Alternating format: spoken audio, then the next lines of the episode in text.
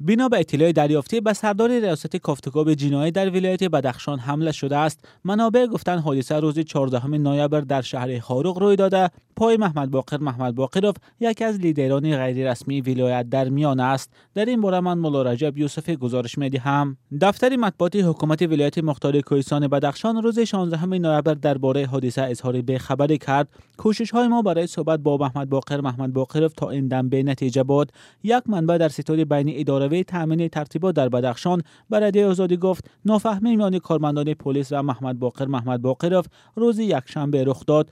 به گفته منبع که نخواست نامش افشا شود در روز حادثه برای تعمیر کوچه مرکزی شهر خاروق بسته بود ولی محمد باقر محمد باقرov از محله او پیده گذشته است. ناظران بازرسی دولتی اتومبیلی از ولایت ختلان آورده شده بودند. آنها محمد باقر را نمی‌شناسند. خلاصه کارمندان بازرسی محمد باقر را دستگیر می‌کنند و او به یک گروه زنگ می‌زند. این گروه با کارمندان بازرسی دولتی اتومبیلی زنازنی می‌کنند و یک نفرش با تبر به قفس سینه یک کارمند میلیسه زده است. نقل کرد او تصدیق درستی این اطلاع از منابع مستقل فعلا غیر امکان است اما بعضی از شاهدان حادثه روز سهشنبه تصدیق کردند که زنازنی در پیش پاسگاه در خاروق شده است. محمد باقر محمد باقر یک از رهبران غیر رسمی ولایت بدخشان روز 16 نوامبر به زنگهای خبرنگاران رادیو آزادی پاسخ نداد.